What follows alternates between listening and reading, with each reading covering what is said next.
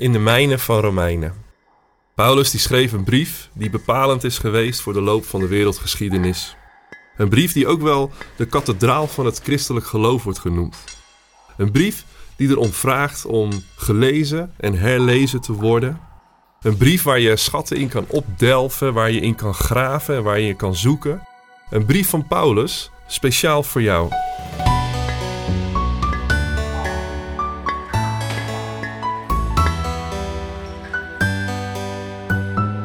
Gaan in deze podcast mijnen in Romeinen.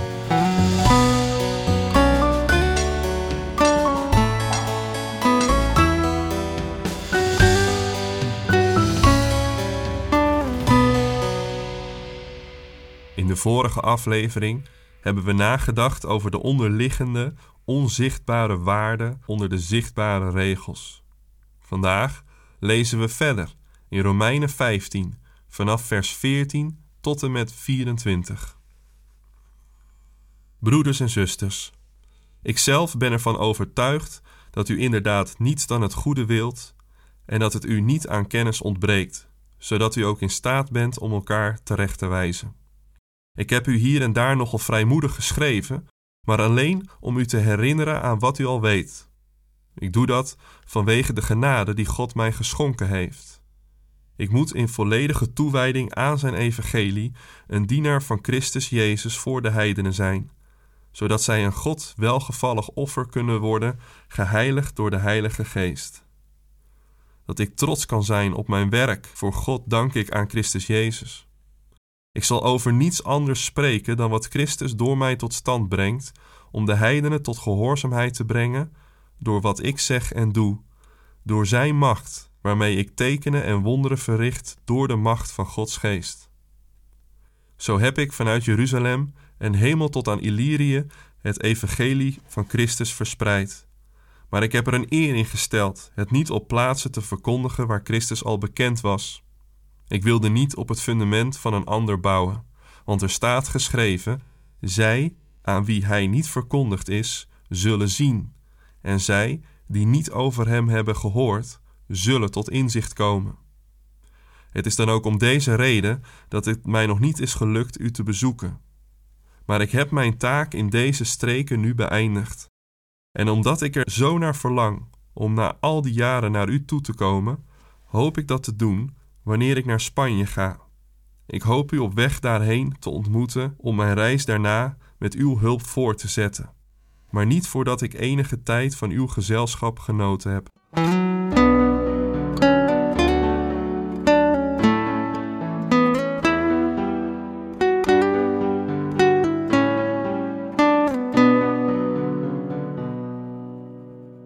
Principes kosten geld en voornemens hebben ook altijd een prijs. Denk bijvoorbeeld aan topsporters die gaan voor goud, die vier jaar lang alles opzij zetten om uiteindelijk een kans te wagen tijdens de Olympische Spelen. Of aan iemand die een muziekinstrument wil spelen en jarenlang investeert in het oefenen voordat je de vaardigheid hebt om met anderen samen in een band te spelen. Of denk aan alle arme theologiestudenten die Grieks en Hebreeuws moeten leren en jarenlang werkwoordsvormen zitten te ontleden speciaal ook gebed gevraagd voor hen. Maar denk bijvoorbeeld ook aan een apostel als Paulus, die zichzelf van alles ontzegt vanwege zijn missie. In Romeinen 1 lazen we hoe Paulus ernaar verlangde om de gemeente van Rome te ontmoeten, om geestelijke gaven te delen en om bemoedigd te worden. Helaas was het er nog niet van gekomen om naar Rome te gaan. Er waren verhinderingen. Je kunt dan denken aan de vervolgingen die Paulus onderging op zijn tweede zendingsreis in Macedonië. Hij moest van de weg die naar Rome leidde, de Via Egnatia, afwijken om zijn achtervolgers af te schudden waarmee hij naar Athene reisde. Of denk aan het keizerlijk besluit van keizer Claudius om alle Joden Rome uit te zetten in 49. Allerlei verhinderingen die mogelijk voorkwamen dat Paulus naar Rome kon komen om te bemoedigen en bemoedigd te worden. Maar dan lezen we in ons gedeelte vandaag dat Paulus er niet aan is toegekomen omdat hij het evangelie niet op een plaats wilde verkondigen waar Christus al bekend was. Hij wilde niet bouwen op andermans fundament. Paulus betaalde de prijs van het niet bemoedigen en bemoedigd worden in Rome vanwege zijn voornemen het evangelie alleen te brengen op de plaatsen waar het evangelie nog niet gebracht was. Nu vertrekt Paulus naar Jeruzalem. Voorwaar geen gemakkelijke taak. Paulus wist dat er allemaal verhalen over hem de ronde deden. Hij wist dat men in Jeruzalem dacht dat hij afval van Mozes leerde. Hij wist dat er bepaald geen rode loper uit zou liggen in Jeruzalem. De collecte die Paulus meeneemt voor zijn Joodse broeders en zusters is een van de manieren om te laten zien dat de gemeente die bestaat uit gelovigen uit de heidenen en gelovigen uit de Joden geen aparte groepen zijn, maar met elkaar in verbinding staan en voor elkaar zorgen.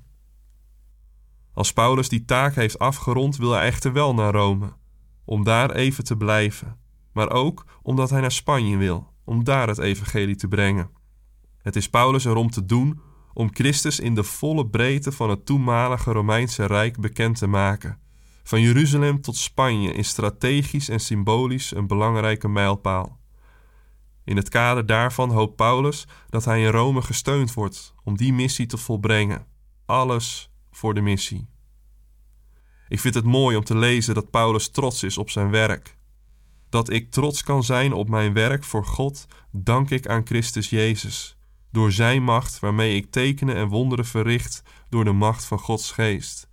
Paulus vindt voldoening in datgene wat hij voor God mag doen en in datgene wat God mogelijk maakt door zijn leven heen. Ik vind dat wel ontspannend.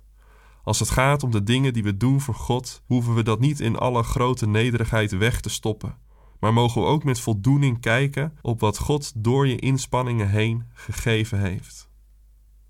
Toewijding, vrucht en voldoening tekenen op dit moment het leven van Paulus. Het mag ons inspireren om in de voetstappen van Paulus ernst te maken met het zichtbaar maken van het evangelie. Om persoonlijke behoeften soms even te laten voor wat ze zijn en strategisch na te denken op welke manier Christus het meest zichtbaar wordt in jouw leven en wereld vandaag. Om de vruchten op te merken die zo'n leven met zich meebrengen en daarvan te genieten. Ik wens je daar vandaag van harte God zegen toe.